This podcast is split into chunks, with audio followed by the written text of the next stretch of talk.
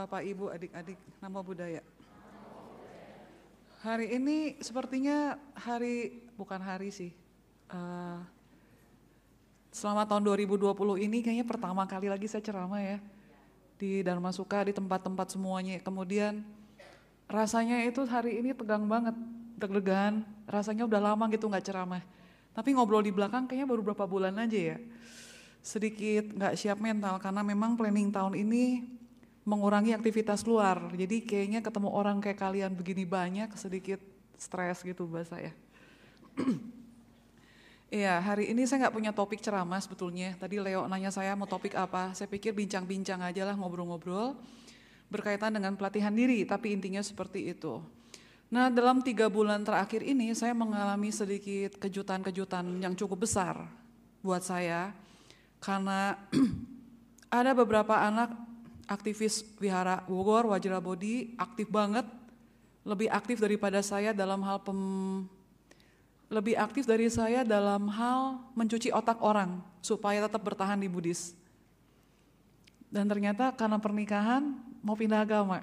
Itu yang di Bogor satu, semalam di Darmayes juga satu, satu lagi anak Bangka. Jadi tiga orang yang benar-benar super aktif, bukan aktif seperti kebaktian aja ya, benar-benar bisa mencuci orang supaya baik lagi ke jalan Dharma, dan terakhir, kemarin satu ketemu karena pernikahan mereka memutuskan daripada nggak ada pacar, nggak ada jodoh, nggak nikah, ya udah deh saya ngalah aja. Yang dua sudah pindah ke negara seberang nih. Saya mencoba narik-narik, kelihatannya nggak berhasil. Yang satu lagi semalam sedang saya cuci otaknya nih. Dari saya ketemu Bu Heti, boleh nggak pemberkatan beda agama? Jawabannya boleh banget. Ya akhirnya tadi saya sebelum masuk, saya WA dulu anak ini bahwa di Dharma suka ini boleh pemberkatan beda agama. Nah kemudian semalam saya bilang juga sama anak karet ini, selama ini saya cuma tahu dan mungkin lingkungan kamu tahu bahwa kamu adalah orang yang sangat idealis. Jadi orang-orang idealis akan kena batunya. Saat itu terutama dalam hal perjodohan akan diuji. Apakah keyakinan kamu goyah atau tidak? Dia bilang, iya nih suhu, aduh gimana ya. Tapi saya udah ngomong sama calon suami saya, kita putus aja deh. Terus kamu siap nggak nikah? nah itu dia masalahnya. Jadi memang dalam hal ini pernikahan-pernikahan itu selalu jadi kendala. Apakah keyakinan kita teruji? Apakah keyakinan kita maju terus? Apakah kita akan stuck kemudian pindah ke keyakinan yang lain? Ya berarti saya kehilangan tokoh-tokoh penting nih dalam beberapa wihara besar. Tapi saya percaya bahwa uh, percaya seperti apa ya? tahun 90-an saya ketemu sama Lama Wajra. Waktu itu saya sempat tanya, apakah Bante mengizinkan atau menyetujui orang yang pindah agama? Kemudian Bante menjawab seperti ini ya, Tantra ya. Menurut beliau, pindah agama itu seperti orang pakai baju. Kalau sekarang size-nya adalah SS, terus kita makannya banyak, mungkin harus pindah ke L, ke M, ke XL atau mungkin triple XL, no problem. Karena bicara tentang batin seperti badan, bisa eks, bisa fleksibel, bisa melar, bisa mengecil. Jadi kalau dia sudah beragama Buddha dari kecil mengakunya beragama Buddha dengan pembelajaran agama Buddha, bahkan banyak orang tua juga sengaja menyekolahkan anaknya sekolah minggu ya di atas, di bawah atau di wihara-wihara lain supaya bibit ini tumbuh. Tapi kalau memang batin ini, batin anak ini memangnya sudah bekerja orang tua sudah mengkondisikan, lingkungan juga sudah meng, ya mengkondisikan juga ternyata batinnya nggak sesuai sama lingkungan tersebut atau mungkin sama pembelajaran di tempat tersebut, dia akan pindah mungkin ke wihara lain yang paling gampang. Cari-cari-cari, kalau masih nggak cocok juga, dia akan berpindah ke eh, tempat-tempat ibadah yang lain. Terus, terus pindah-pindah-pindah sampai akhirnya cocok di situ, dia happy.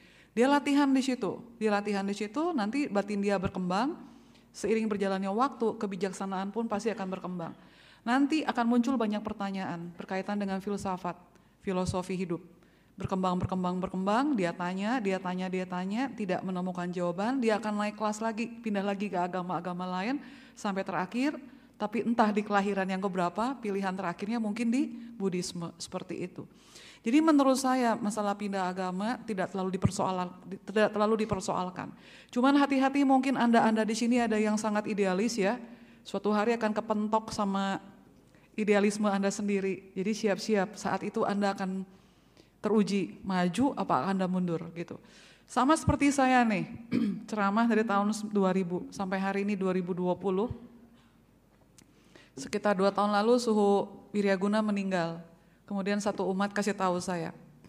Waktu suhu Wiryaguna meninggal, kebetulan suhu Wiryaguna, suhu di Sunter itu lebih banyak mengajarkan orang untuk baca Namo Amitabha. Jadi pada saat, karena kebetulan cancer kenanya ya, hanya sekitar 2-3 bulan kemudian meninggal, dalam proses sakit itu ada bagian penolakan. Kenapa harus sakit, saya mau sembuh, kenapa harus saya? Itu ada muncul seperti itu. Amit Hovo yang tadinya begitu memenuhi ruang hati pada saat kena bencana, kena penyakit besar seperti itu, terus nggak bisa makan, muntah terus keluar, mulai teruji, Amit Hovo ada di mana sih? Kenapa dia nggak bantu saya? Nah umat ini kasih tahu saya, proses suhu waktu maksud masuknya, masuknya gini, waktu orang-orang sakit dia bilang, Bu, Amitabha ya baca, yuk ikut suhu, baca Namo Amitabha, Namo Amitabha, Namo Amitabha. Orang ini baca sampai terus meninggal. Jadi orang bilang, wah suhunya Amitabha-nya kuat. Terus ada siapa lagi sakit, bayu baca Amitabha sama suhu, sembuh. Jadi banyak sekali perjalanan hidup beliau dengan Namo Amitabha itu banyak kesembuhan-kesembuhan seperti itu. Dan tiba-tiba kena sakit, dan mulai bertanya, Amitabha kok nggak bantu saya, kenapa harus sakit seperti ini, bla bla bla segala macam. Akhirnya umat-umat di kanan kiri, nah ini kalian mitra, kalian mitra itu nggak harus biku-biku lagi ya, nggak harus anggota sangga, bisa juga umat-umat teman-teman dekat di lingkungan kita bilang, ayo suhu, suhu selama ini selalu ngajarin kita buat baca Amitabha, mana nama Amitabha suhu? Terus diingatkan seperti itu sampai akhirnya baik lagi, inilah keyakinan yang paling sulit ya, pada saat kita mengajarkan orang harus begini, harus begini, harus begitu, tiba-tiba kita akan suatu hari akan kena batunya dan kita pun teruji apakah keyakinan kita itu kuat atau tidak. Jadi para orang tua yang suka mengajarkan anaknya misalkan harus kompak, harus harus apa lagi? Harus kompak, harus sabar, harus bangun pagi, harus meditasi, harus uh, bersahabat dengan banyak orang, nggak boleh marah-marah, nggak boleh ngomel. Suatu hari ingat apa yang kita ucapkan, ajarkan pada orang lain, suatu hari akan kena ke diri kita sendiri. Termasuk saya ya. Makanya tahun ini saya pikir, aduh kayaknya mau kurangin jadwal ceramah aja. Tapi lihat Pasarwan juga kasihan, jadi ya ini ujian-ujian buat saya. Apa yang pernah saya ajarkan kepada orang suatu hari akan berbuah, kena semua ke saya. Mungkin dalam kondisi sakit atau dalam kondisi tua, saya nggak tahu. Cuman saya harus mempersiapkan diri. Jadi saya harap bapak-bapak, ibu-ibu pun seperti itu. Nah hari ini ngobrol ngalir ngidul tapi sebetulnya ada intinya yaitu mengenai pelatihan diri. Mohon maaf hari ini sedikit berbau Mahayana ya. ada dana makanan di belakang nanti dan setiap kali ada orang ceramah di dalam masuka kecuali romo-romo saya nggak tahu ya. Kalau biku sangga pasti ada acara uh, dana makanan. Dalam hal ini dalam dalam Mahayana kalau wihara dia besar, maka ada lima sesi yang disebut uh, sesi bersama melatih diri. Yang dua adalah kebaktian pagi dan kebaktian malam itu wajib, itu berarti melatih diri. Dan yang tiga lagi adalah makan pagi, makan siang, makan pagi, makan siang, dan keempat disebutnya adalah yause, bukan makan malam, bukan dinner juga, tapi yause adalah mm, makanan sebagai obat. Jadi makanan sebagai obat ini boleh ala kadarnya, boleh hanya jus, boleh hanya air mungkin teh manis atau mungkin bagian atas sila air putih biasa. Atau mungkin kalau dia makan malam berarti makanan yang ngasal aja yang penting e, menyehatkan badan. Kemudian badan ini bisa bertahan kuat lagi sampai besok pagi. Karena di Mahayana itu selalu bicara untuk nolong orang lain, nolong orang lain, nolong orang lain yang kadang-kadang butuh energi. Nah, sebagai umat manusia, agama apa pun juga biasanya sebelum makan itu adalah doa. Nah, dalam Mahayana pun sama. Jadi lingkungan Terawada, orang-orang dana makanan bantai baca doa mungkin sudah biasa. Nah, bagi orang-orang Mahayana karena kebanyakan doanya tidak doa bersama kecuali wihara yang sangat besar, kemudian ada doa bersama, doa bersamanya sekitar 10 menit jadi biasanya kita doa masing-masing yang simple aja, hanya mempersembahkan makanan ini kepada Buddha, kepada Dharma, kepada Sangga, kemudian kepada semua makhluk. Itu yang paling simple. Kalau mau dipanjangin dikit, berarti disebut tuh uh, kung yang kepada Sakyamuni Buddha, kepada Baisaja Guru Buddha, kepada Amitabha Buddha, kemudian kepada seluruh Buddha. Kemudian kepada empat bodhisatwa besar, kepada Awalokiteswara Bodhisatwa, kepada Manjusri, Samantabhadra Bodhisatwa, kepada Siti Garba Bodhisatwa, dan kepada seluruh uh, para bodhisatwa. Itu doanya 10 menit terus nyanyi lagi ya. Jadi umat-umat biasanya jarang ikut, kecuali kalau kalian masuk berkunjung ke wihara yang besar, makan bersama. Nanti pada saat pembacaan doa, semua tutup mata. Di depan kami itu ada mangkok-mangkok, tiga mangkok, dua depan, paling depan dua, belakangnya satu, baru yang bagi makanan, semua bagi makanan, jatahnya adalah satu centong aja, nggak boleh lebih daripada satu centong, kalau kurang boleh tambah lagi. Nah di sini setiap doa dalam Mahayana berarti selalu mengingat kebaikan dari setiap makhluk. Jadi saya tidak menganjurkan, tidak ya hanya menganjurkan lah Bapak Ibu atau adik-adik sebelum makan adalah doa. Kalaupun tidak berdoa secara beranjali, paling tidak dalam hati mengucapkan syukur bahwa makanan ini harus ada lima syarat.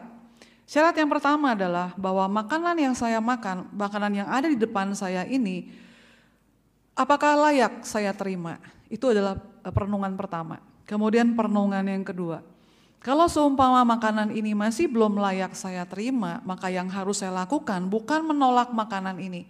Jadi nanti kalau Anda jadi suhu, semua ada kesempatan jadi suhu, makanan di depan begitu banyak, kemudian dengar lima perenungan dari saya, berpikir bahwa aduh saya belum layak nih. Bukan berarti menolak, karena menolak itu menolak itu bukan bagian dari pelatihan diri, berarti harus menerima. Karena menolak itu, uh, bayanginnya begini ya, kalau nolak makanan mungkin hanya sepele ya. Udah jatuh cinta sama orang, kita udah menyatakan cinta, tiba-tiba ditolak Mamah yang gampang, nak aku sayang sama kamu. Terus anaknya menolak, aku gak sayang sama mami, sakit. Papi juga, Mi aku sayang sama kamu. Maminya jawab, aku gak sayang sama papi, itu sakit banget. Karena apa? Sudah mencurahkan segala hati, segenap jiwa raga, segenap perasaan kepada orang yang kita cintai terus ditolak. Itu butuh benar-benar kerelaan, kebesaran jiwa dan ujian. Baik lagi ke ujian.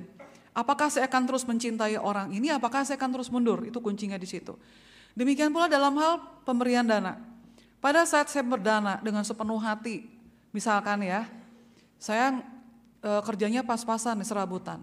Kemudian hari ini tahu ada sangga dana.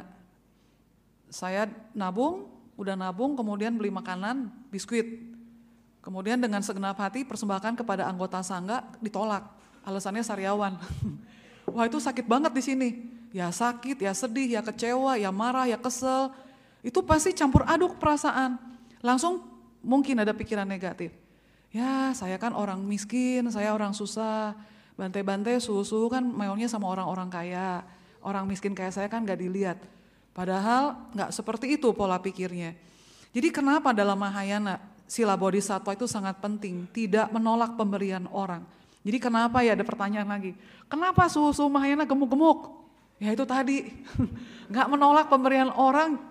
Nah kalau saya, kayak tadi di belakang tuh, suhu kata Ibu Bu Sukma. Eh Bu Sukma bener ya? Uh, nanti abis ini mau ke mana lagi? Saya bilang jam 4 janji orang. Oh berarti nih kue nggak bisa dibawa ya? Nah belum apa-apa udah bilang nih kue nggak bisa dibawa. Yang ngasih di situ. Saya langsung diam berpikir, aduh apa nih jawabannya nih enak. Saya bilang, emang kenapa bu? Ini orang ngasih kue kelepon katanya, kalau suhu sampai jam 4 nggak pulang Bogor ntar rusak. Dia ngasih di sebelah Ibu Sukma, terus saya bilang begini, saya jam satu mau ke Wihara Sunter bu, kalau boleh berbagi dengan orang lain akan saya bagikan kepada orang lain. Oh ya dengan senang hati suhu boleh-boleh banget. Nah jadi kenapa saya kurus? Karena tadi bisa berbagi dengan orang lain ya. Karena kondisi saya adalah jalan di lapangan, beda dengan susu lain yang punya wihara sendiri. Jadi mau nggak mau makanannya diterima. Kalau saya kan jalan-jalan tiap pihak. Uh, untungnya saya begitu ya, jalan-jalan. Jadi pihak dapat makanan sini, oper sana, dapat sini, oper sana, oper sini. Itu kelebihan saya. Kesannya suhunya baik, tapi sebetulnya ya tadi ya sayang badan juga karena saya lihat banyak susu kena diabetes, darah tinggi juga, kemudian kena ginjal juga. Jadi ini benar-benar salah satu bagian dari menyayangi makhluk lain adalah mencintai diri sendiri. Tapi kita nggak boleh nolak pemberian orang. Makanya ini jadi kendala buat para suhu-suhu sebetulnya. Baik lagi. Pada saat membacakan doa, yang kami ingat, yang kita ingat adalah kebaikan dari semua makhluk. Jadi setelah nama Buddha, Bodhisatwa, kemudian nama para Buddha, Bodhisatwa disebut, kita akan sebut, tapi dalam bahasa Mandarin ya, bahwa semua orang yang menjadi donatur, donatur ini nggak harus uang, donatur makanan, donatur semangat juga bisa. Lagi makan, ayo su semangat makanannya harus habis, harus habis, harus habis. Itu juga termasuk berdana juga. Cuma dalam hal ini adalah berdananya semangat, berdana waktu juga, berdana tenaga juga, beres-beres, nyuci-nyuci piring, itu semuanya adalah bagian dari berdana. Nah pada saat makan, sembayang, doa, bukan hanya mengingat pemberian makanan ini, bahwa ini makanan ini layak apa tidak nih buat saya. Tapi termasuk bagian yang bersih-bersih, bagian yang masak, sampai bagian yang nanam. Yang nanam padi, hujan dari langit, mungkin juga kiriman dari para dewa juga. Jadi benar-benar pikirannya dicurahkan untuk semua makhluk. Jadi pemberian makanan pertama yang direnungkan, apakah makanan ini layak untuk saya? Nah, untuk eh, orang untuk orang-orang perumah tangga mungkin para anak bisa berpikir, apakah makanan ini layak untuk saya? Jadi banyak orang kaya, duitnya banyak, makanannya ala kadarnya. Karena vegetarian jadi nasi sama lobak, nasi sama kangkung, nasi sama tahu, tahu-tahu asam urat. Jadi sebenarnya makanan itu pun tidak layak. Karena kalau mau berhasil dalam pelatihan diri, Anda harus mempertimbangkan unsur ahara, makanan. Jadi makanan itu benar-benar harus yang menyehatkan.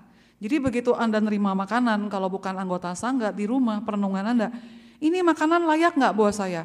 Daging lagi, daging lagi, daging lagi juga nggak sehat. Nah yang kedua masuk lagi, kalau seumpama makanan ini tidak belum layak buat saya, berperbanyaklah perbuatan baik. Berbuat baik itu bisa lewat ucapan, bisa lewat pikiran, bisa lewat perbuatan. Tapi dilakukan harus dengan tulus hati, intinya di situ.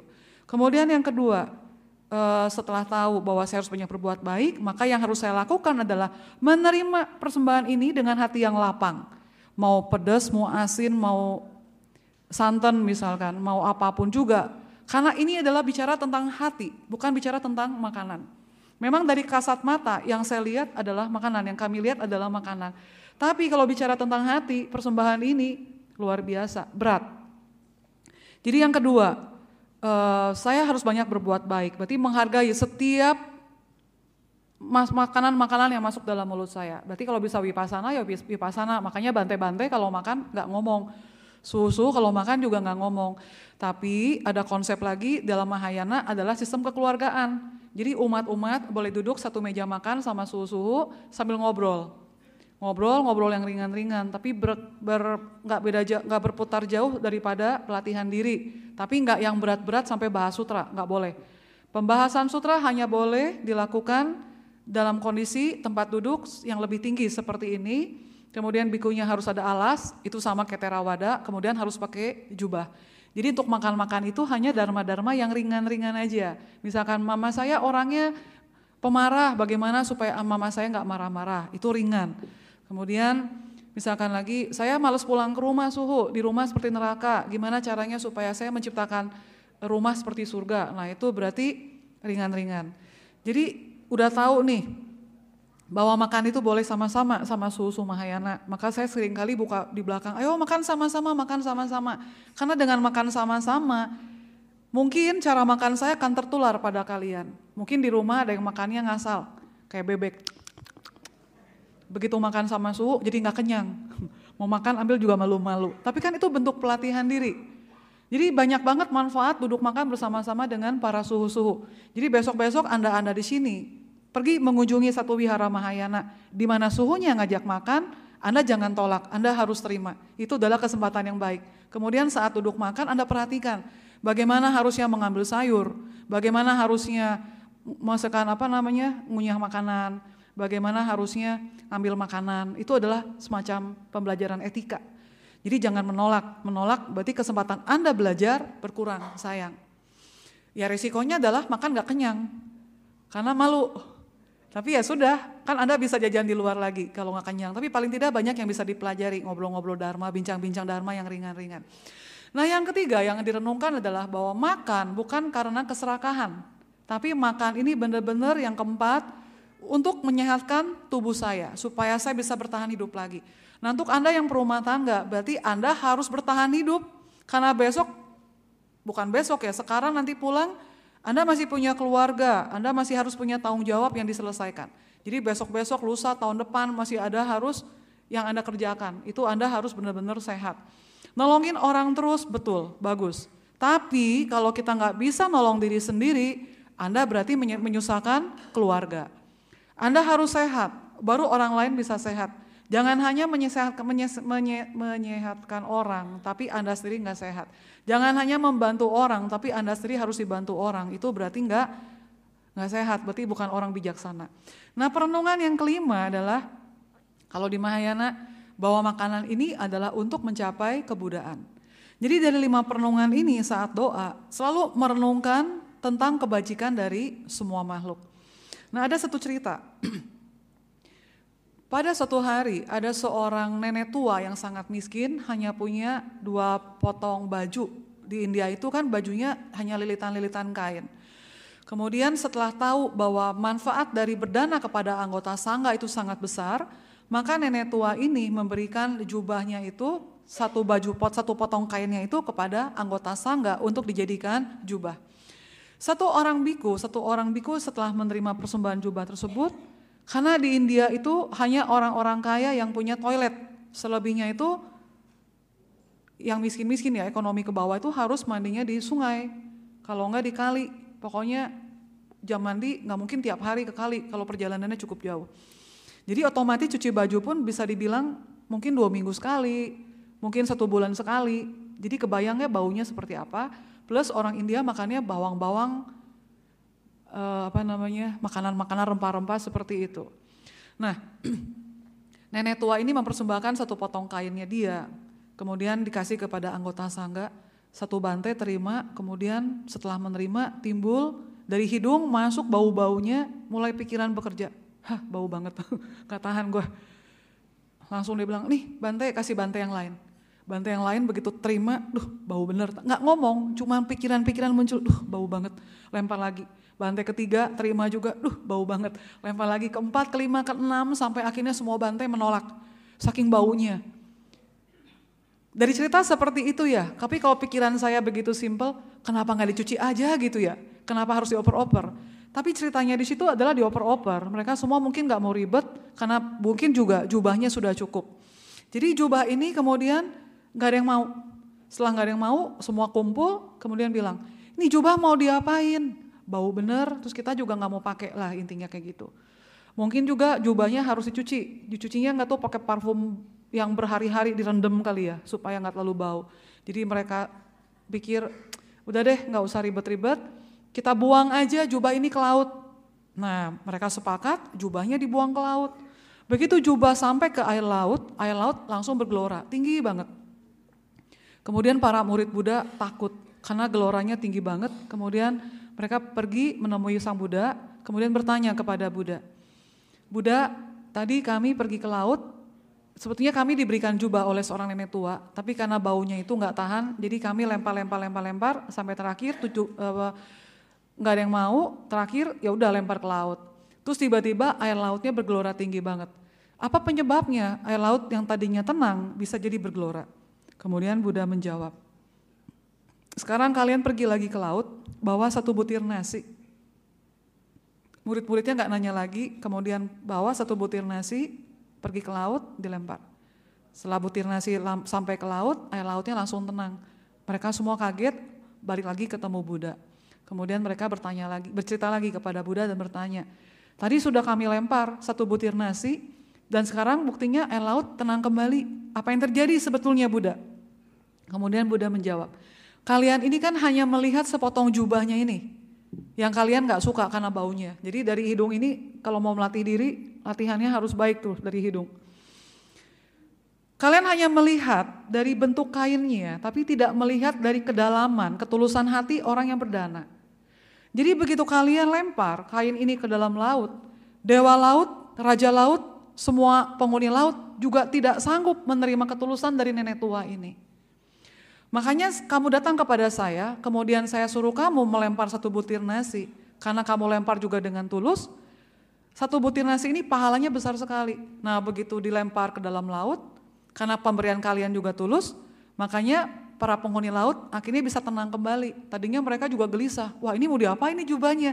Karena pemberian itu sangat-sangat tulus. Jadi dalam hal ini apa? Apa pun yang kita persembahkan kepada apa pun juga, kepada siapa pun juga, atau kepada apa pun juga ya, kepada anjing, kepada kucing, kepada burung, atau mungkin buaya, ayo makan tangan saya kalau kamu lapar. Karena di dalam jataka begitu banyak pengorbanan dari bodhisatwa, merelakan tubuhnya supaya makhluk ini yang lapar menyantap tubuhnya, jadi dia nggak menyantap makhluk orang-orang lain. Jadi kalau Anda sampai jadi seorang bodhisatwa, kemudian aku merelakan tubuh aku supaya kamu santap, tapi tolong jangan santap makhluk-makhluk lain. Anda benar-benar harus dengan hati yang tulus. Jadi kalau ada pertanyaan, boleh nggak saya donor ginjal? Boleh nggak saya donor mata? Atau saya boleh nggak trans, transplantasi apa gitu? Silakan, selama Anda tulus, berarti tidak ada rasa sakit, tidak ada kekotoran batin, apa yang Anda lakukan pahalanya pasti besar sekali. Nah dalam hal ini mengenai, baik lagi eh, ke makanan tadi ya, persembahan makanan. Dalam hal ini adalah yang simple. Jadi dalam Mahayana, pelatihan diri, kalau dalam wihara besar, ada sesi-sesi harus bersama. Di balik eh, 24 jam itu, tidur masing-masing 5-6 jam. 24 kurang 6 berarti ada waktu 18 jam. 18 jam itu makan bersama dan kebaktian pagi sore bersama. Jadi ada uthang kungke namanya. Ada lima hal, lima sesi yang harus dilakukan bersama-sama karena ini termasuk dalam hal pelatihan diri. Nah saya ingin masukkan ke dalam keluarga Anda masing-masing. Bisa tidak Anda masukkan kalau nggak kalau nggak memungkinkan tiga aja. Makan pagi bersama, makan siang bersama, makan malam bersama. Kalau masih memungkinkan tambah lagi doa pagi bersama, doa malam bersama satu keluarga. Itu akan indah sekali. Makanya kenapa dunia sangga itu adalah dunia yang harmonis. Karena tadi ada lima hal yang harus dilakukan bersama-sama. Kemudian saat ada kesalahan langsung minta maaf bersama-sama di tempat yang bersama-sama tadi. Jadi tuh kebaktian pagi itu kalau ada pelanggaran langsung orang yang mengaku salah, jadi bukan disuruh ya, lu dosa lu, salah lu. Agama Buddha juga nggak kenal dosa. Kamu salah lu, kamu salah lu. Kesalahannya sepele. Kesalahan sepele seperti apa? Dalam wihara yang sangat besar, ada jam pagi, ada jam tidur dan ada jam bangun. Jam bangun misalkan jam 5, jam tidur misalkan jam 10. Kemudian pada saat jam tidur tidak boleh memakai toilet yang di samping kamar. Orang ini kebelet lalu pakai toilet di samping kamar. Jadi ada pilihan toiletnya ke lantai satu misalkan, di mana tidak ada orang. Karena begitu di flash, orang sebelah langsung terganggu tidurnya. Itu berarti tidak melatih cinta kasih. Itu adalah pelanggaran dalam wihara yang besar.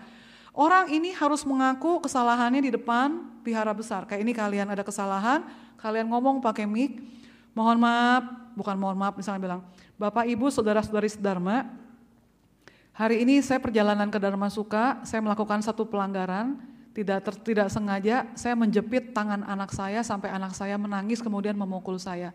Maka di depan umat-umat Dharma Suka, saya sebagai ayah mengaku bersalah karena saya tidak melaksanakan mindful dengan baik pada pagi hari ini. Seperti itu pertanggungjawabannya. Jadi dalam wihara-wihara Mahayana itu ya namanya Maha ya, besar, yana kendaraan, pengakuan dosa, pengakuan kesalahannya, pelanggaran-pelanggarannya seperti itu. Termasuk juga wihara Theravada saya lihat seperti itu. Jadi dalam hal makan ini adalah salah satu bentuk pelatihan diri. Kalau Anda bisa terapkan di rumah masing-masing, mudah-mudahan komunikasi antara kepala keluarga, ibu dan anak-anak akan jauh lebih baik, lebih meningkat, lebih harmonis seperti itu. Nah baik lagi ke makanan. Dalam Mahayana, setiap doa itu harus selalu mengingat kebajikan dari setiap makhluk. Maka disarankan umat-umat itu mengambil sila. Lima sila buat perumah tangga. Sila itu kalau sudah diambil, Anda wajib melakukan sila samadhi panya, samadhi, ting dalam bahasa Mandarin. Ting itu eh, kayak satu macam kokoh, mantep, kuat, strong gitu ya, power, bukan power sih. Pokoknya ting itu kayak kita menggali satu sumur, Gali, gali, gali, gali, gali, gali, gali terus, gali, nggak berpindah ke tempat yang lain. Berarti fokus konsentrasi ada di situ. Karena banyak orang melakukan satu hal, gali 5 cm, aduh kayaknya nggak ada batunya, pindah lagi, gali lagi satu meter, ah nggak ada batunya, pindah lagi, pindah lagi, pindah lagi. Jadi mencolok-mencolok, itu namanya bukan ting, bukan samadhi. Jadi orang-orang yang sudah mengambil sila, mengambil sila atau menjalankan sila, dia harus menjalankan samadhi. Nah dalam Mahayana menjalankan samadhi ini bisa macam-macam, bisa meditasi, bisa nienfo. Nienfo ini baca nama Buddha ya, melafal nama Buddha, itu bisa baca Amitabha, bisa baca Kuanim Pusa, atau baca mantra, atau baca Yausefo, baca Buddha mana aja diperbolehkan, atau yang paling simple, Namo budaya, namo budaya, namo budaya, namo budaya, namo budaya, namo budaya, namo budaya. Itu dibaca berulang-ulang. Itu pun bisa menimbulkan ting samadhi tadi. Nah sekarang pertanyaan saya, tiap kali Anda datang ke wihara, tiap kali berarti tiap minggu. Atau ada yang seminggu dua kali, seminggu tiga kali. Ketemu orang, adakah mengucapkan salam namo budaya? Ataukah masing-masing papasan di WC nggak lihat, pura-pura nggak kenal? Nah, itukah pelatihan diri? Bukan. Itu namanya cari musuh. Ibu kenal sama bapak ini, tahu pernah ketemu di dalam suka kalau ke WC papasan. Tapi kok nggak kenal? Sis, kita nih sama-sama gurunya Sakyamuni Buddha. Kalau gurunya sama-sama Sakyamuni Buddha, ketemu di jalan, sudah tahu nih lingkungannya Dharma Suka. Berarti kan umatnya umat Dharma Suka, bukan umat wihara lain. Ketemu nyapa duluan. Yang muda nyapa duluan, yang tua pun kalau bisa nyapa duluan. Saya yang pernah ke Wajrabodi Bogor itu, wihara Wajrabodi itu di Hook. Di samping-samping banyak warung-warung, banyak preman-preman juga. Asal saya keluar, ada preman satu, anak-anak jalanan, saya sapa duluan. Eh bang, dapat berapa uang hari ini? Jadi besok-besok lihat saya, karena saya sudah buka pintu, mereka akan menyapa saya, Suho, Amitabha. Itu hal yang baik. Anda membuka diri duluan, bukan merugikan diri sendiri, tapi Anda menambah sahabat buat Anda sendiri. Jadi nanti Anda belajar, begitu keluar dari pintu, coba salaman. Ini kadang-kadang saya harus memuji orang-orang dari zaman saya kecil kan sekolah Katolik ya. Selesai kebaktian, selesai misa, pasti pastornya ngomong, eh salam damai, baru salam damai. Berarti kanan kiri ini semuanya salam-salaman, salam damai. Nah di kita nggak ada, begitu ketemu, nggak kenal. Padahal katanya umat Buddha, sama-sama mau menjadi Buddha, sama-sama mau mencapai arahat sama-sama menuju ke pantai seberang, tapi ketemu pun nggak mau saling nyapa. Yang paling miris buat saya adalah ketika di India. Ketika di India papasan namanya India, berarti semua adalah orang-orang yang punya keyakinan besar pada Buddha, mayoritas, atau yang ada jodoh kuat dengan Buddha. Kemudian hotelnya banyak. Kemudian ada Theravada, ada dari negara mungkin Vietnam, Kamboja, Sri Lanka, Thailand, Indonesia, Myanmar, Taiwan, Hong Kong, Cina, Malaysia, Singapura, semua di situ. Orang bule juga banyak. Makan pagi ketemu papasan nih. Nyapa nama budaya juga kagak ada. Bilang Omitofo juga nggak ada. Lewat aja gitu. Kayak nggak kenal. Padahal ini di tanah sucinya para Buddha. Saya sedih juga ya. Padahal saya udah siap-siap senyum. kagak ada yang lihat saya. Bagaimana ini? Kebetulan pergi sama umat, jadi saya bilang sama, tuh saya jadi balik badan lihat ke umat. Ternyata umat-umat pun sama, mukanya asam juga. Papasan sama umat Buddha, sama-sama umat Buddha ya. Umat Buddha berarti kan semuanya sesyungti nih adik kakak, mukanya sama-sama asam. Akhirnya saya bilang ini, kalian datang ke India tujuannya ziarah ketemu dengan Buddha. Lihat sesama saudara sedharma kagak ada yang senyum, mukanya ditekuk semuanya. Kalau bisa seasam-asamnya. Ketemu bantai pun gak nyapa nama budaya, apalagi ketemu susu gak dikenal. Cuma bilangnya ini suhu gua, suhu gua, suhu gua. Sedih banget ya saya, ceramah sana sini ngajarin orang buat berbuat baik. Tapi kenyataannya di tanah suci para Buddha aja kagak ada yang saling menyapa. Malah saya terkesan sama para orang-orang tantra, orang-orang Tibetan. Baju mereka memang gembel-gembel ya kesannya ya. Dekil-dekil, hitam-hitam. Terus mukanya rambutnya panjang-panjang begitu. Tapi begitu mereka capek istirahat, taruh tongkat, mereka langsung lempar senyum. Saya pun langsung lempar senyum lagi. Aduh, adem gitu hati. Di tanah suci para Buddha, ketemu orang yang senyum sama kita, adem. Tapi di tanah suci para Buddha, di tanah suci di India yang gampang aja ya, jangan di Sukawati. Kita ketemu umat Buddha, kita ngajak senyum, diam aja. Stres kita juga. Ini tanah apaan ya? Jadi coba ya, kalau besok-besok dari Dharma Suka ada Dharma Yatra, ingat baik-baik, kita nyapa orang, kita ketemu orang langsung bilang nama budaya, terutama di tanah suci para Buddha itu. Pahalanya kan katanya besar banget tuh. Kita langsung nyapa, nama budaya, nama budaya. Terserah mereka mau balik menyapa atau tidak, bantengnya, suhunya mau jawab apa enggak, terserah. Yang penting saya harus menciptakan surga, eh, tanah suci ini. Sekarang juga bukan besok lusa, tapi sekarang juga. Jadi baik lagi ke dalam pelatihan diri, hidup eh, paling bahagia adalah ketika bisa berdamai dengan semua orang, bisa berdamai dengan masyarakat, bisa berdamai dengan siapa pun juga. Nah dalam hal ini kenapa makan pun termasuk pelatihan diri? Karena selalu mengingat kebaikan dari setiap makhluk supaya makhluk-makhluk itu pun merasakan kebahagiaan di dalam Dharma. Dan Dharma ini nggak harus Dharmanya agama Buddha, kecuali kalau saya sebut Buddha Dharma. Orang-orang di agama-agama lain kalau dia latihannya makin lama makin bagus, nanti mereka akan menemukan satu bentuk spiritual yang sama. Nanti mereka latihan sama-sama, akhirnya ujungnya mudah-mudahan juga sama. Jadi pertanyaan saya 30 tahun lalu kepada Bante, ya kepada Lama tadi ya, Lama Wajra. Apakah agama lain bisa mencapai arahat? Bante jawab bisa. Yang penting 10 belenggu bisa dihilangkan. Jadi agama-agama lain pun tetap adalah sahabat kita. Intinya seperti itu. Selama apa?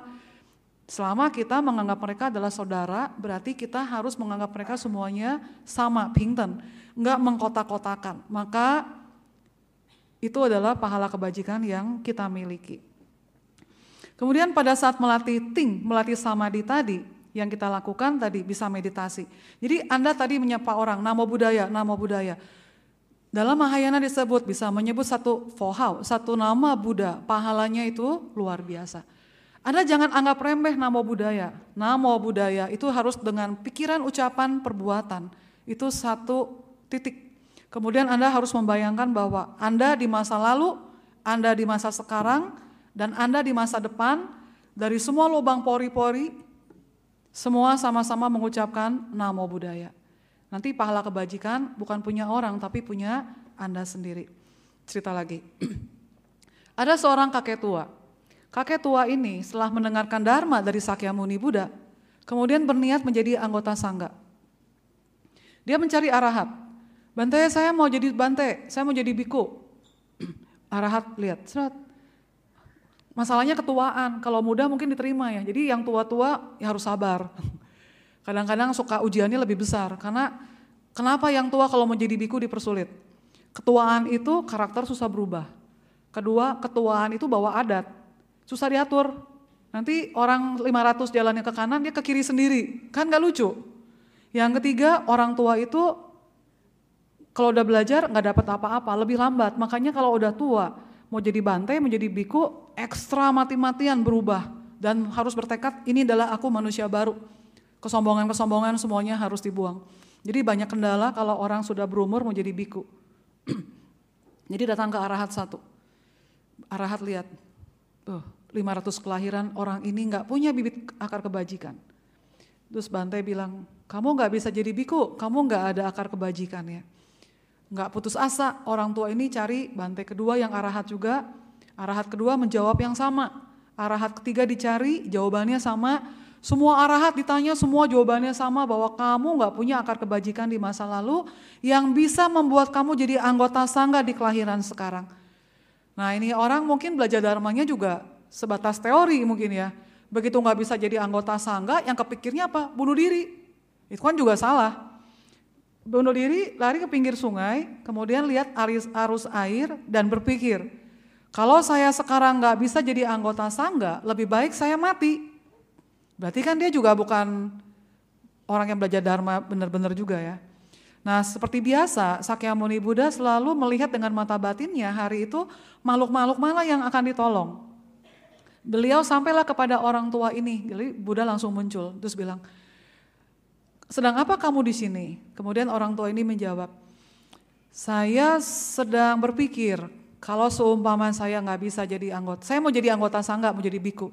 Tapi semua rahat jawabannya sama, kalau saya tuh nggak bisa jadi bantai dalam kelahiran sekarang. Kalau seumpama saya nggak bisa jadi biku dalam kelahiran sekarang, saya pikir lebih baik kayaknya saya mati deh. Kemudian Buddha bilang, kamu ikut saya aja, ditabis jadi biku. Latihan tidak lama, orang tua ini jadi bante, kemudian langsung jadi arahat.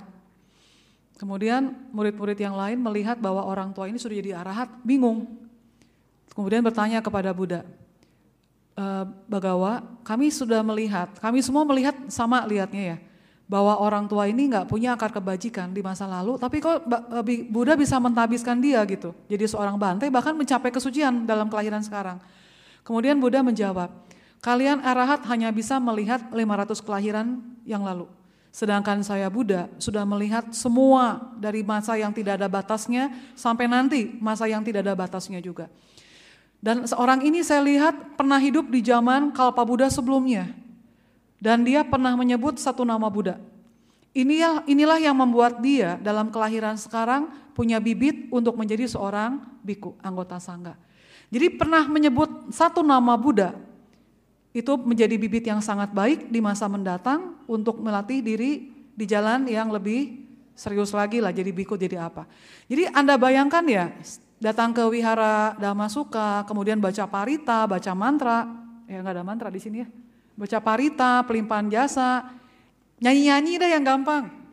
Nyanyi-nyanyi semua nyanyi-nyanyi lagu-lagu itu, itu semuanya pasti mengandung makna yang kena ke hati Anda. Itu kalau kita bisa jadikan satu macam pelatihan diri, makanya kenapa Mahayana itu nyanyi. Itu nggak semua nyanyi. Kalau yang hobinya meditasi ya meditasi terus udah nggak nyanyi, nyanyi lagi. Jadi mengkondisikan orang-orang dari berbagai tingkatan batin untuk memahami Dharma. Salah satunya adalah dengan bentuk lagu. Jadi kalau Anda bisa meresapi Dharma ini dalam kehidupan sehari-hari, mudah-mudahan ini akan menjadi akar kebajikan di masa mendatang. Entah harapan Anda apa, cita-cita luhur Anda apa, tapi ini akan jadi bibit yang besar, itu akan tercapai. Itu harapannya seperti itu. Jadi balik lagi, sila setelah dilatih, Anda disarankan melatih samadhi. Melatih samadhi artinya Anda baca man, Anda baca parita, bacalah parita dengan tulus. Baca parita dengan hati yang lapang. Baca parita dengan kesabaran. Baca parita dengan legowo. Baca parita dengan cinta kasih. Baca parita dengan semangat Baca parita dengan melatih paramita-paramita. Ada 10 paramita atau 6 paramita Anda itu latih. Nah tujuannya apa? Selesai Anda baca parita, Anda pada saat meninggalkan ruangan ini, hati Anda, batin Anda sudah penuh. Jadi apa manfaatnya datang ke wihara? Batinnya sudah penuh, bukan karena pengen dengar ceramah. Karena baca parita itu adalah pembabaran pemutaran roda dharma, pembabaran sutra, pembabaran kisah dari Buddha. Pasti ada pembelajarannya. Jadi Anda kalau bisa baca parita dengan fokus, dengan konsentrasi, pahala kebajikannya juga sangat besar. Itu akan menjadi bibit berikutnya, Anda terserah cita-cita luhurnya apa, pasti akan tercapai. Nah dari latihan-latihan ting tadi, baca parita terus berulang-ulang, meditasi terus berulang-ulang, dilakukan konsisten, mudah-mudahan Anda akan memperoleh kebijaksanaan. Jadi sila sama dipanya itu adalah sumber yang harus kita latih jadi akar kebajikan pelan-pelan pelan-pelan pelan-pelan lama-lama akan menjadi besar. Ini yang harusnya kita latih sih, bukan cuma umat Mahayana tapi seluruh umat Buddha. Nah, baik lagi ke makan ya. Pada saat makan, itu makan dengan penuh kesadaran, kemudian setelah, setelah, setelah makan selesai, susu biasanya akan membaca doa. Baca doanya adalah, makanan ini sudah selesai, semoga semua makhluk yang yang membuat persembahan ini ataupun siapa pun yang hadir dalam ruangan ini karena ada cerita lagi seorang biku meditasi dalam sebuah altar. Kemudian ada seekor ular lewat. Ular lewat tidak mengganggu biku ini meditasi tapi ular ini tersentuh kemudian ter apa ya terkagum-kagum pada posisi duduk si, si bante yang tegak tidak tergoyahkan. Jadi kalau di Mahayana dibilangnya duduk seperti lonceng berdiri seperti pohon cemara Jalan harus seperti angin, tidur harus seperti busur. Jadi duduk seperti lonceng. Ular lewat, dia lihat bantai duduknya seperti lonceng, tidak tergoyahkan. Ular langsung bertekad, lahir lagi saya mau jadi bantai, mau jadi biku. Dan terlaksana. Lahir lagi jadi bantai dia, latihan meditasi juga. Jadi betul-betul dalam doa setelah makan, semoga semua makhluk yang hadir dalam ruangan ini atau memberikan dana ini Semuanya bisa bersama-sama menyatu dengan Buddha Dharma. Jadi kalau Anda mau melatih diri seperti itu ya sangat indah sekali. Berarti lama-lama pikiran-pikiran negatif kita pun berkurang, yang muncul adalah pikiran-pikiran yang baik. Jadi udah setengah sebelas. Jadi kesimpulannya apa? Kesimpulannya adalah melatih diri itu nggak perlu ke gunung, nggak perlu juga naik ke atas pohon, nggak perlu juga ngumpet di dalam gua-gua. Melatih diri itu menyatu dengan kehidupan sehari-hari. Makan sama-sama, doa sama-sama, bahkan beraktivitas kerja juga bersama-sama. Misalkan Dhamma Suka ke altar semuanya nggak boleh pakai sepatu, semuanya harus taruh di luar. Kemudian masing-masing Dharma Suka nggak dari pengurus nggak siapkan rak. Berapa orang sih yang bisa nyusun sepatu dengan rapi? Sedikit. Sisanya apa? Depan pintu langsung masuk, depan pintu langsung masuk terus naruhnya ngasal. Seperti anak-anak SD TK. Saya yakin bapak-bapak ibu-ibu pun gayanya seperti itu. Yang penting masuk dulu sendal-sendal terserah seperti apa. Kemudian saya bikin peraturan, yang naruh sendal yang ngasal saya buang tempat sampah. Saya yakin 90% di sini sendalnya hilang. Nah saya mana Zo? Jadi kasarnya e, dibilang di Mahayana, bahkan menyusun sendal sepatu pun itu termasuk pelatihan diri. Bahkan menyisir rambut pun itu adalah melatih diri. Bahkan sikat gigi pun itu adalah melatih diri.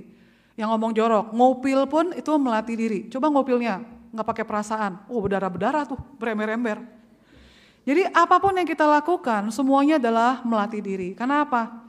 Karena harus ada semangat, harus ada konsentrasi, harus ada cinta kasih, harus ada kebahagiaan bagi diri sendiri ataupun juga bagi makhluk lain. Jadi kalau disimpulkan lagi, apa itu melatih diri? Ya mengubah pola pikir kita supaya semakin lama semakin semakin apa tuh? Semakin baik. Baiknya seperti apa? Yang tadinya nggak punya semangat, jadi punya semangat. Yang tadinya kejam, jadi punya cinta kasih. Yang tadinya malas, jadi rajin. Yang tadinya kurus, jadi gemukan dikit, karena merawat diri sendiri. Yang tadinya gemuk, kurusan dikit, juga merawat diri sendiri. Jadi orang-orang yang gemuk, terlalu gemuk, orang-orang yang terlalu kurus, coba dilihat, apakah Anda cukup mencintai diri Anda sendiri? Kalau belum, start dari sekarang. Kemudian orang-orang yang bangunnya siang, jadi bangunnya lebih pagi Orang-orang yang tadinya nggak pernah sarapan pagi, makannya malam, mungkin bisa dirubah. Tapi yang penting sehat lah ya. Karena pola hidup orang berbeda lah, yang penting sehat.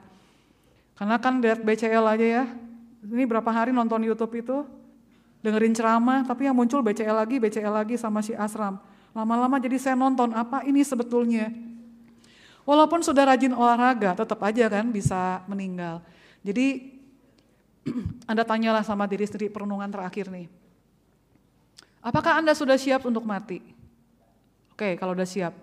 Mau bawa apa nanti udah mati? Bawa rumah, bawa istri, bawa suami, bawa uang, bawa baju, bawa apa? Bawa perbuatan baik. Oke, perbuatan baiknya udah cukup belum? Kalau belum cukup, tadi balik ke lima perenungan makan. Bahwa saya sudah layak belum menerima persembahan ini atau menerima makanan ini. Yang kedua, kalau belum layak, sekarang saatnya berbuat baik yang ketiga, makan bukan karena keserakahan.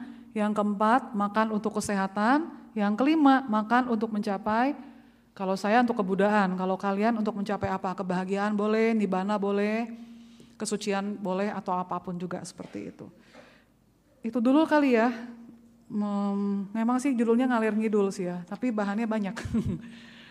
Balik lagi ke panitia ada. Lagi Namo Amitopo Suhu. Uh, saya menyimak uh, ceramah suhu tadi mengenai seorang bante atau seorang suhu bisa kena penyakit diabetes atau cancer. Pertanyaan saya, apakah kehidupan seorang sehari-hari sudah berbuah atau tercipta oleh karmanya di masa lampau, masa sekarang dan masa yang akan datang? Orang sebut yechang suhu. Apa pun yang kita pikirkan, apa pun yang kita lakukan, semua berhubungan dengan karma. Mungkin itu saja suhu. Terima kasih. Ya, terima kasih.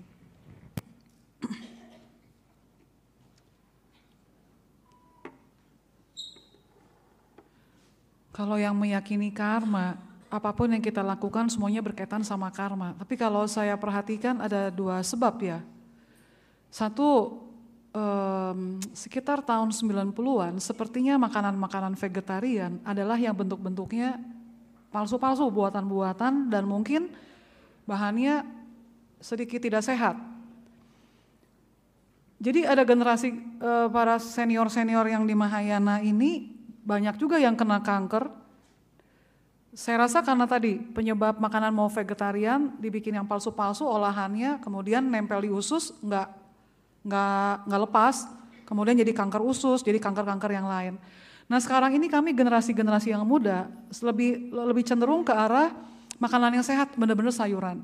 Jadi kalau diundang sama orang dikasih makanannya bebek bebekan, daging babi, ayam, be, apalagi rendang seperti itu, kami akan tanya.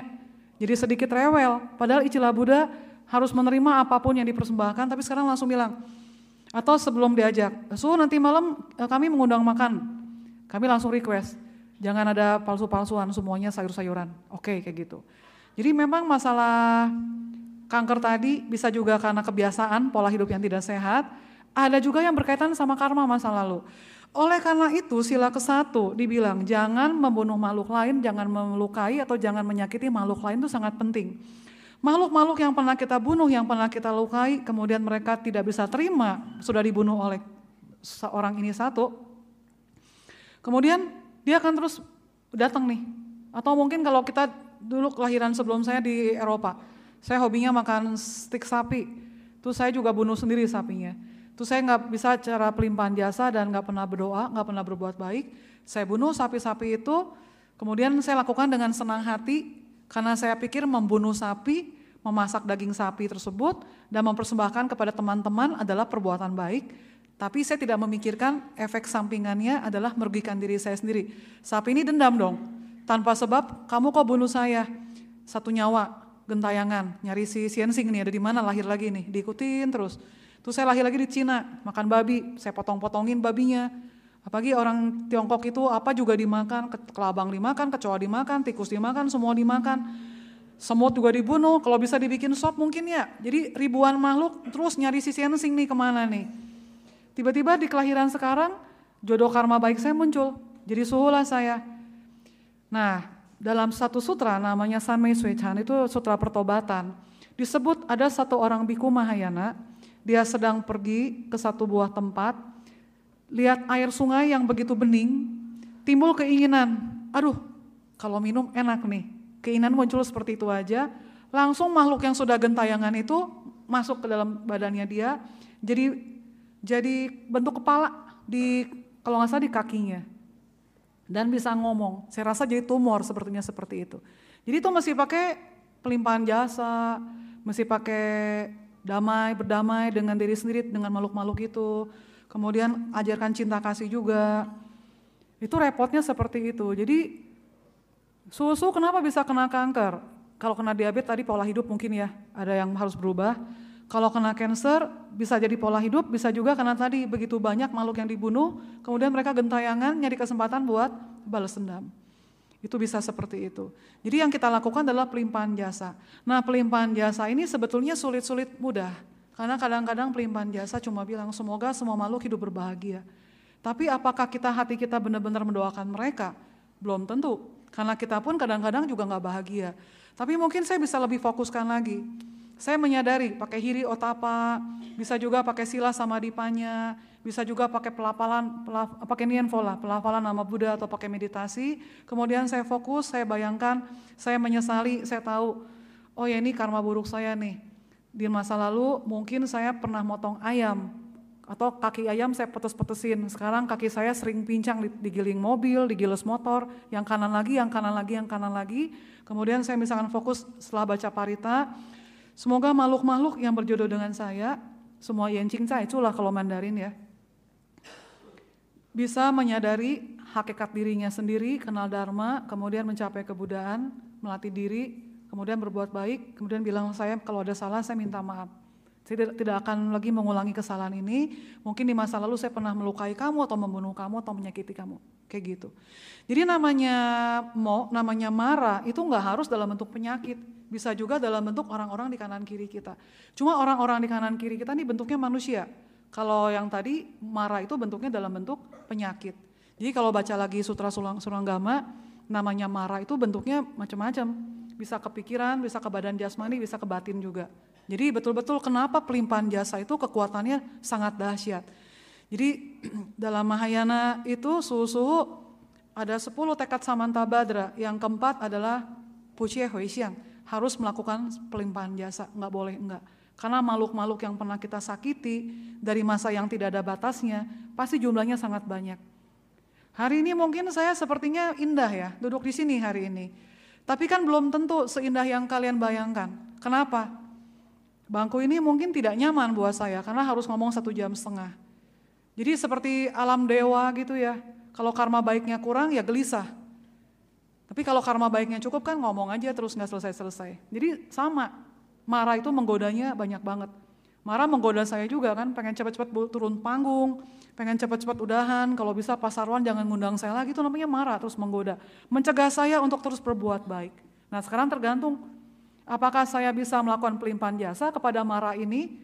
Bisa aja pada saat mau naik sini, baru jalan satu langkah, saya udah terjungkal, terguling, jatuh, pingsan. Bisa aja.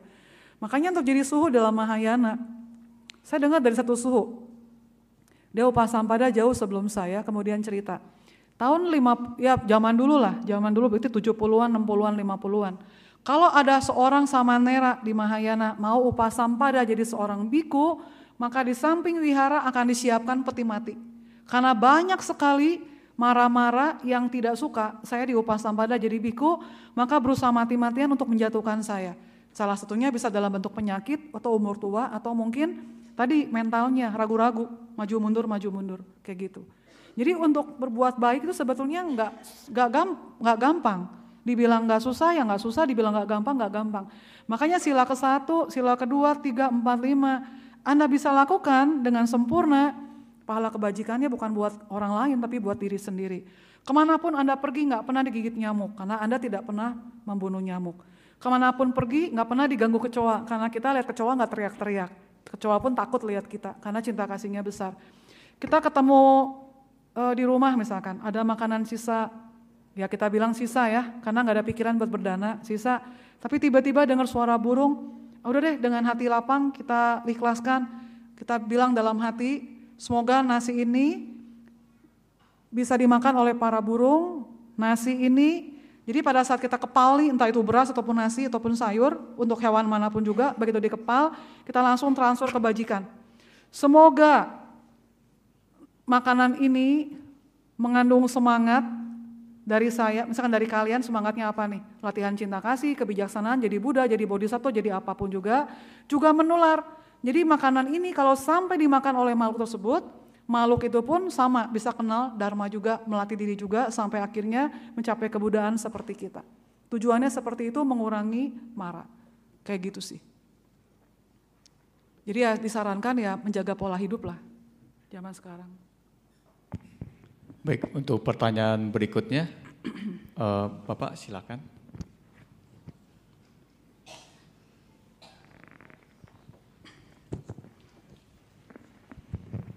Selamat pagi Su, nama budaya. budaya. Ya, terima kasih. Uh, ini uh, ada ada semacam tips kira-kira untuk melatih diri itu? Biasanya kan kalau misalnya, misalnya mau meditasi misalnya, meditasi itu kira-kira biasanya kadang-kadang kita merasa kira-kira lima menit nih udah bosan kita. Terima iya, kasih. Ya, ya, ya.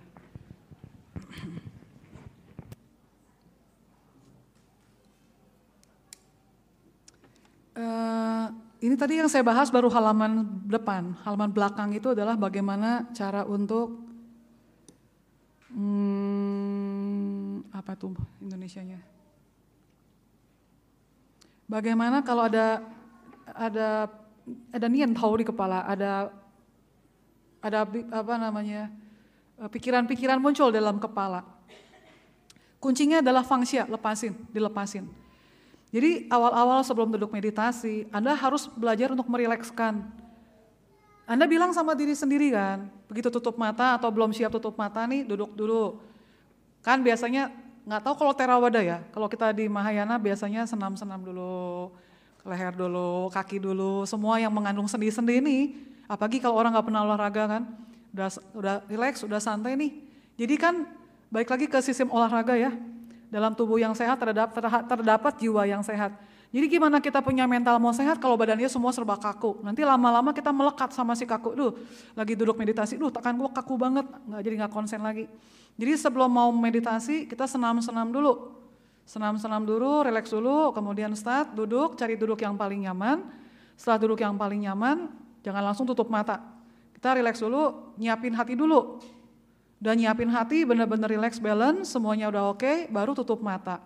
Kemudian bilang sama diri sendiri, kepala relax, bola mata rileks, telinga rileks, kemudian pundak rileks, tangan rileks, kaki rileks. Karena kadang-kadang kita juga berasa tegang nih kalau Anda sadar rileks, fangsung, fangsung. Fangsung pakai Mandarin ya, fangsung, rileks, rileks, rileks. Udah rileks, terus bilang fokus, napas, tarik keluar, tarik masuk seperti itu. Nah menghadapi bosen, harusnya dengan rileks seperti itu bosannya bisa nambah jadi 10 menit kemudian baru berubah. Latihan terus, latihan terus, lama-lama juga mahir. Naik 11 menit, 11 menit lebih sedetik, 11 menit lebih dua detik, kan lumayan kemajuan kayak gitu. Intinya seperti itu. Tapi ada satu lagi kuncinya, kalau di Mahayana itu menyebut nama Buddha. Misalkan sebut Namo Amitabha, Namo Amitabha. Dengan ada fokusnya, entah itu Kuan Im atau Buddha atau siapa pun juga, mudah-mudahan kita akan lebih uh, lama rentang waktunya. Walaupun tidak menutup kemungkinan bosan sama ngantuk, sama males, sama sakit pinggang juga muncul plus kesemutan. Jadi emang itu penyakit manusia lah, wajar.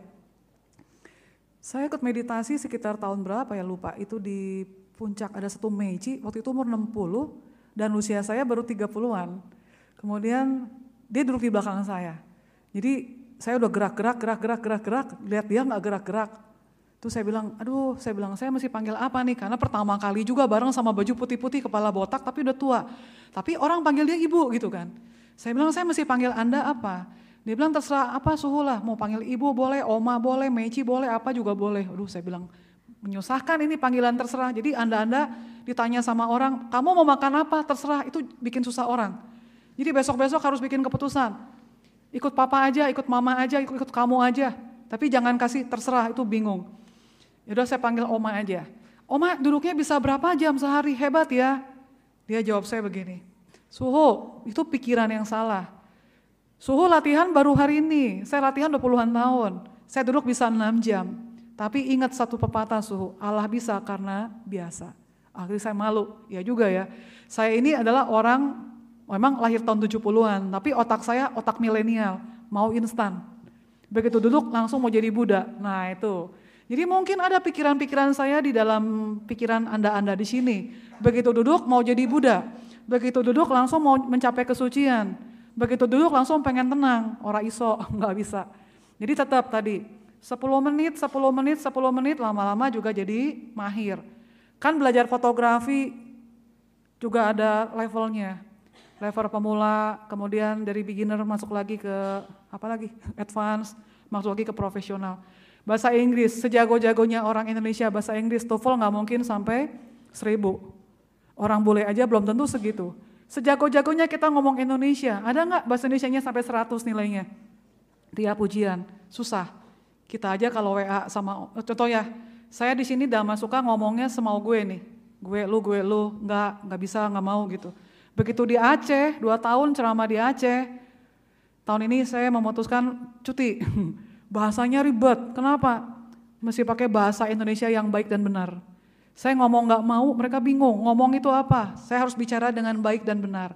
Saya harus menggunakan bahasa Indonesia yang baik dan benar. Saya harus berbicara yang sopan, sesuai dengan bahasa buku. Waduh otak saya udah capek. Akhirnya saya pikir istirahat dulu deh, jangan ke tempat lain dulu. Jadi kesimpulannya apa? Tidak ada yang instan. Latihan itu harus konsisten. Latihan terus, latihan terus, tapi meningkat. Intinya seperti itu. Nah, kalau ada ada satu guru besar namanya In In Kuang Innya lupain apa ya. In Kuang Tase itu guru besar In Kuang namanya, itu terkenal sebagai masternya Nianfo, pelafalan khusus Namo Amitabha. Beliau ada rumus di sini. Kalau mau menyebut satu nama Buddha, kemudian dihitung. Namo Amitabha satu, Namo Amitabha dua, Namo Amitabha tiga, Namo Amitabha empat, Namo Amitabha sepuluh. Terus hitung lagi, Namo Amitabha satu, Namo Amitabha dua.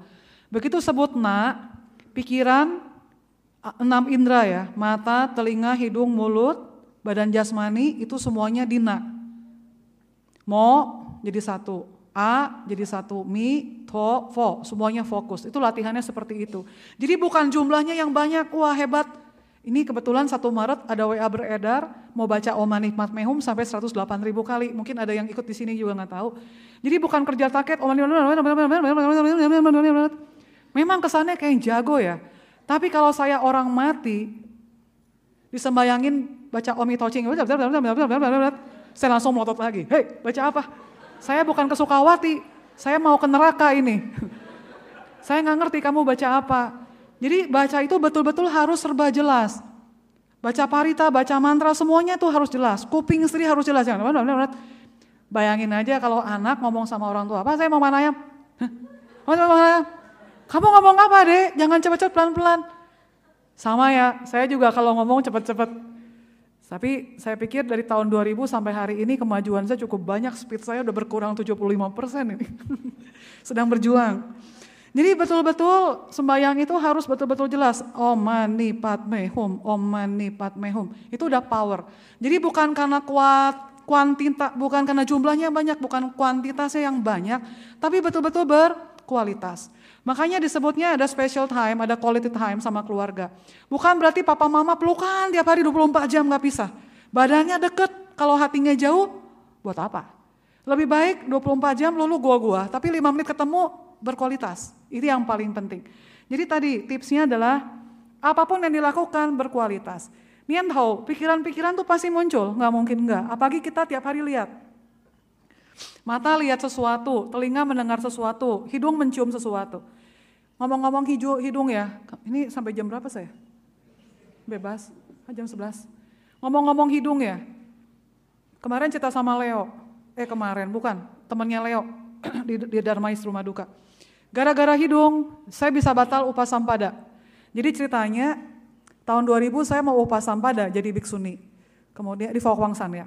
Kemudian e, kamar kami itu masuk 27, 27 orang ranjang susun atas bawah atas bawah 27, 27, dua kamar, tengahnya ada pintu bisa dibuka, bukan pintu kayak jendela sebesar ini.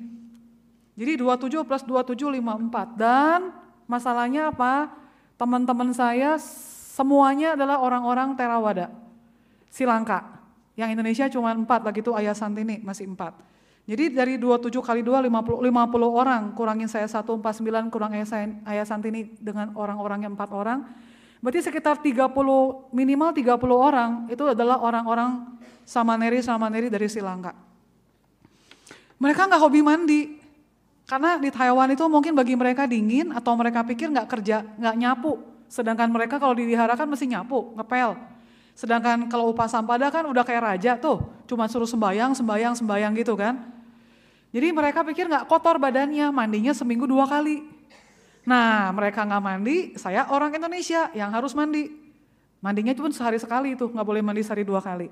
Saya mandi tiap hari, mereka nggak mandi tiap hari plus nggak ganti baju. Udah gitu kebiasaan mereka adalah menggosok badannya dengan minyak kelapa. Kepalanya digosok, badan gosok, digosok. Bahkan teman-temannya semua digosok-gosokin. Semakin kinclong katanya semakin bagus. Itu minyak kelapa tuh. Dan saya dari kecil paling gak suka sama sesuatu yang berbau kelapa. Entah itu santan, Terus siapa ya itu yang warna-warni itu mama saya suka beli, aduh baunya aja udah enek gitu kan. Termasuk daging kelapa itu saya nggak minum kecuali air kelapa. Nah karma buruk berbuah lah, saya sekamar dengan orang-orang yang berbau kelapa itu. Saya melatih diri, sabar, sabar, sabar. Dari hidung tuh, cium, ser, aduh bau banget. Tiap kali tidur, selimut, bantal semua tutupin biar gak kecium, ketiduran, tidur berarti kan aman. Sehari lewat, dua hari lewat, sepuluh hari nggak tahan. Akhirnya saya nangis di kamar mandi, nangis di kamar tidur, terus tiap hari nangis. Saya yang jarang nangis, tiba-tiba nangis pagi siang malam, uh, udah uh, ngaduk banget, pengen pulang. Akhirnya saya bilang sama lausus saya, lausus saya bilang, saya mau keluar aja deh, nggak jadi upah sampada. Kenapa? Saya bilang saya nggak tahan sama bahunya. Jadi benar-benar ya hidung saya tuh gangguan terbesar. Kamu kenapa emang bau-baunya? Saya bilang tuh bau kelapa banget. Nggak tahan lah, semuanya dilap-lap, nggak ganti baju apa bla bla bla. Nah itulah dinasetin panjang lebar pun pokoknya nggak mau hidung saya udah nggak bisa lagi. Nah akhirnya udah langsungnya kasih nasihat satu jam debat-debat-debat. Akhirnya saya menyerah, tetap nggak boleh keluar saya bertahan masuk, nah mulailah saya dengan pelimpahan jasa tadi, saya baca si tiga sutra, Ticangsing itu saya baca, berut, saya pelimpahan jasa. Mulailah hidung saya membaik, bisa menerima, bisa apa ya, swehe, apa ya, bisa adaptasi. Jadi dalam pelatihan diri tadi tipsnya salah satunya adalah beradaptasi. Adaptasi dengan kebosanan, adaptasi dengan kejenuhan. Kalau masih mentok juga nggak bisa, udah buka matanya aja. Tapi tetap duduk. Mau berapa lama nih? Setengah jam, udah pasang beker. Lima menit udah jenuh, bosen, adaptasi, udah coba, coba, coba, coba, masih nggak bisa, buka mata. Diam, nggak bergerak. Yang penting badan jasmani nggak gerak, pikiran nggak goyang. Terus sampai bisa lagi, tutup lagi. Jadi dalam setengah jam itu Bapak bisa buka mata, tutup mata, buka mata, on off, on off terus. Tapi setengah jam baru bangkit badannya berdiri, benar-benar. Itu tips saya yang lain lagi. Kira-kira seperti itu. Ini pertanyaan, bisa ya Pak ya? Seperti itu tipsnya. Kalau masih nggak puas nanti di belakang ya. Aduh, yang mana dulu bingung. Nama budaya suhu di rumah kita memelihara kucing beberapa waktu lalu dari hewannya, eh dokter hewannya bilang sudah waktunya kucing saya disteril. Disteril dengan tujuan menekan dan bahkan menghilangkan hormon si kucing tersebut. Apakah dengan cara ini termasuk menyakiti makhluk hidup? Mensterilkan orang, eh mensterilkan kucing. Siap-siap kan? Kayak sekering saya bilang, kalau mau kaya, kalau mau kalau mau buah apel nanamnya pohon apel. Kalau mau anggur nanamnya uh, pohon anggur. Berarti bibitnya bibit anggur. Jadi kalau mau mau steril, lahir lagi nggak mau punya anak, ya bolehlah dicoba. Jadi kira-kira yang nggak bisa punya anak, mungkin di kelahiran dulunya suka mensteril-sterilkan seperti ini, mungkin ya. Menyakiti makhluk hidup, ya kalau dia punya, kalau si kucingnya Anda bisa baca pikiran kucing, dia bahagia dengan cara steril, berarti nggak menyakiti. Masalahnya kita mungkin nggak paham dengan pikiran si kucing, jadi bisa jadi dia pengen punya anak banyak, Mungkin dia bertekad, misal aja ya, ini kucing bertekad mau jadi ibu dari seribu ekor kucing, terus Anda, steril, anda sterilkan, dia nanti dendam, marah sakit hati. Kalau menurut saya sih sejalannya aja lah, kalau populasi kucing harus bertambah ya bertambah aja lah. Mau gimana lagi? Ya kalau misalkan lahir lagi mau jadi, ini keburu gak sih? Buddha ya, di zaman Buddha itu beliau bersama rombongannya masuk ke dalam sebuah kerajaan. Kemudian raja mendengar bahwa Buddha ini sangat hebat. Hebat bukan hanya dalam hal dharma, mungkin terkenal juga karena kesaktiannya ya. Jadi eh, raja dan ratu ini berpikir mereka udah lama nggak punya anak, bagaimana kalau mereka mengundang Buddha datang ke kerajaan mereka, kemudian mereka berdana makanan, mereka akan minta anak, intinya seperti itu. Jadi setelah mereka mengundang Buddha datang ke kerajaan mereka, Buddha juga oke, okay, Hari, hari ditentukan, kemudian rajanya mempersiapkan makanan, digelar karpet, digelar karpet, kemudian Buddha bersama rombongan datang ke kerajaan. Nah begitu sampai ke depan karpet, Buddha langsung berhenti. Kemudian menyuruh para muridnya untuk menggulung kembali karpetnya ini. Kemudian digulung. Udah selesai gulung, beres, rapi, baru Buddha masuk lagi, terus terima dana makanan. Kemudian murid-muridnya tanya, Kenapa tadi, ini kan karpet sebagai penghormatan, kenapa sama Buddha disuruh gulung? Buddha bilang, kalian nggak tahu kalau ada cetana di balik penggulungan karpet ini. Cetananya adalah mereka ingin punya anak, jadi berharap bahwa dengan menggelar karpet ini, saya jalan di atas karpet, mereka bisa punya anak. Buddha bilang, saya tidak bisa melawan hukum karma. Walaupun saya jalan di atas karpet, tetap mereka nggak akan punya anak, karena itu adalah karma di kehidupan sebelumnya. Jadi lebih baik digulung aja karpetnya daripada terakhirnya mereka akan membuat Buddha Dharma Sangga jelek namanya. Nah kenapa mereka bisa nggak punya anak dalam kelahiran sekarang? Nah kelahiran sebelumnya suka makan telur tuh, telur ikan, telur-telur itik, telur bebek yang dari pembuahan-pembuahan begitu ya. Jadi kenapa di Mahayana di dalam sutra disebut jangan makan telur, kecuali telurnya telur ayam negeri, ayam lain sebaiknya jangan. Jadi ada resikonya lahir lagi nggak bisa punya anak. Nah mungkin zaman sekarang steril-steril seperti ini bisa aja dilahir lagi kita jadi steril, nggak bisa punya anak. Maybe ya, maybe. Nama budaya suhu, saya mau bertanya, doa singkat apa yang harus diucapkan sebelum makan? Doa singkatnya aku persembahkan makanan ini untuk Buddha, kepada Dharma, kepada Sangga, dan kepada semua makhluk. Udah cukup. Itu kan termasuk bagian dari kanan bersyukur. Kalau mau sebut nama Buddha ya udah Omitofo doang udah termasuk oke okay juga sih. Atau perenungan juga boleh, bebas. Yang kalau saya mempersembahkan kepada Buddha, Dharma dan Sangga juga kepada semua makhluk. Kalau dari ikannya gimana suhu? Yang penting tidak melihat, tidak mendengar dan tidak menyuruh. Makanan ini kan buat kesehatan, ada daging ya udah dipersembahkan tetap untuk Buddha, Dharma dan Sangga. Tapi kalau hasil pembunuhan sebaiknya jangan dipersembahkan. Nanti bikin karma buruk baru. Jadi bukan berarti kalau vegetarian baru boleh doa, kalau ada dagingnya nggak boleh doa. Ini menurut saya pandangan yang sangat salah. Selama Anda tidak membunuh, tidak mendengar, dan tidak menyuruh, Anda boleh mempersembahkan kepada Buddha, Dharma, dan Sangha. Tapi dengan catatan, perbaiki kelakuannya. Saya suka ikut Liamkeng Mahayana. Bagaimana caranya supaya bisa Liamkeng yang baik? Karena yang mimpin bacanya suka cepet. Nah ini yang mimpin pun harus punya kebijaksanaan juga. Begitu mimpin harus lihat ke belakang, dengar suaranya di kuping ini harus dimanfaatkan, didengar. Apakah saya baca terlalu cepat atau terlalu lambat? Terlalu lambat baca, sementara peserta atau umatnya bisa baca, tapeco ya. Orang udah lancar, bacanya namo hola tanah tolaya, namo holie polo jati sepolaya. Terus yang mimpin bacanya namo hola tanah tolaya. Itu bubar, pulang, males. Lebih baik baca di rumah sendiri, lebih adem. Jadi yang mimpin pun harus bijaksana, jalan tengah. Nah ini latihan jalan tengah nih yang mimpin Liamkeng. Tidak terlalu cepat, juga tidak terlalu tidak terlalu lambat. Tidak terlalu cepat berarti yang lambat bisa ikut, tidak terlalu lambat berarti yang cepat juga bisa ikut. Ini jalan tengahnya di mana? Nah ini yang mimpin harus sering-sering mimpin, biar dia bisa menyatu dengan batin orang-orang yang ada di wihara ini, kayak gitu. Nah kalau Anda mau mengakali, Anda tetap lambat di rumah, baca sendiri rajin-rajin baca, lama-lama juga bisa. Baik lagi ke rumus, Allah bisa karena biasa. Berarti kalau Anda yang mimpin bacanya cepat, Anda belum bisa ikut, Anda belum terbiasa, Anda harus lebih biasakan lagi begitu. Nah, pertanyaannya sudah selesai. Saya ambil kesimpulan bahwa melatih diri itu dilakukan setiap saat. Setiap saat yang penting ucapan, pikiran, perbuatan diarahkan untuk kebahagiaan diri sendiri dan kebahagiaan orang lain. Jadi pelimpahan jasa juga penting. Kemudian pelatihan diri itu nggak harus tunggu di wihara atau di retet setahun sekali. Di rumah, makan, tidur, itu pelatihan diri. Jadi suhu juga nggak gampang. Kenapa? Kami tidur sekamar harus nggak bisa satu orang satu ya. Sekamar itu bisa delapan orang, sepuluh orang. Tidurnya ngorok. Itu malam-malam guru Lause itu bisa masuk, Lausenya suhu juga sih. Tiap malam itu bawa wisdom sword, pedang kayu panjang, siangpan, jalan pelan-pelan. Jam satu malam itu orang pas enak-enaknya tidur, dia masuk kamar pelan-pelan, tret. Begitu kakok, kakok, kakok, kakok, ngorok, langsung di, bukan dipukul begini, woi, bukan begitu, disentuh pelan. Pukul aja pakai cinta kasih. Kita langsung kaget.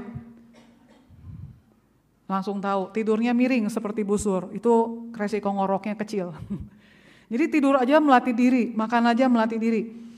Anda boleh mampir ke wihara yang Sulungsan sana ya di CMGK. Dalam toilet pun ada mantra. Jadi mantra-mantra yang harus dihafal jumlahnya ratusan. Salah satunya pada saat saya buang air kecil, semoga semua makhluk karena tiap lubang ada makhluknya. Semoga mereka pun lepas dari keserakahan. Jangan sampai kita lagi ngeden di situ ya, ini mau jorok dikit ya. Lagi ngeden di situ, makhluknya siap-siap mangap-mangap tapi nggak nyampe-nyampe. Terus udah itu Anda udahan ah. Banyak kejadian begitu kan, nongkrong di toilet, terus setengah jam nggak keluar juga, akhirnya Anda bubar. Keluar dari toilet, padahal makhluk di bawah lagi mangkap-mangkap mulutnya. Itu kan satu macam pelatihan diri juga, jadi Anda harus minta izin masuk dalam toilet. Minta izin makhluk-makhluk di sini saya akan buang air besar. Seumpama nggak jadi, mohon maaf nggak jadi dibatal, di, di reschedule. jadi betul-betul bicara tentang makhluk-makhluk lain ini banyak banget ya. Jadi Anda harus hati-hati dalam bertindak, berucap, berbuat, karena ini semuanya adalah bagian dari pelatihan diri. Oke sekian itu yang bisa saya sampaikan ya. Selamat siang, terima kasih. Mohon maaf kalau ada kesalahan. Nama budaya.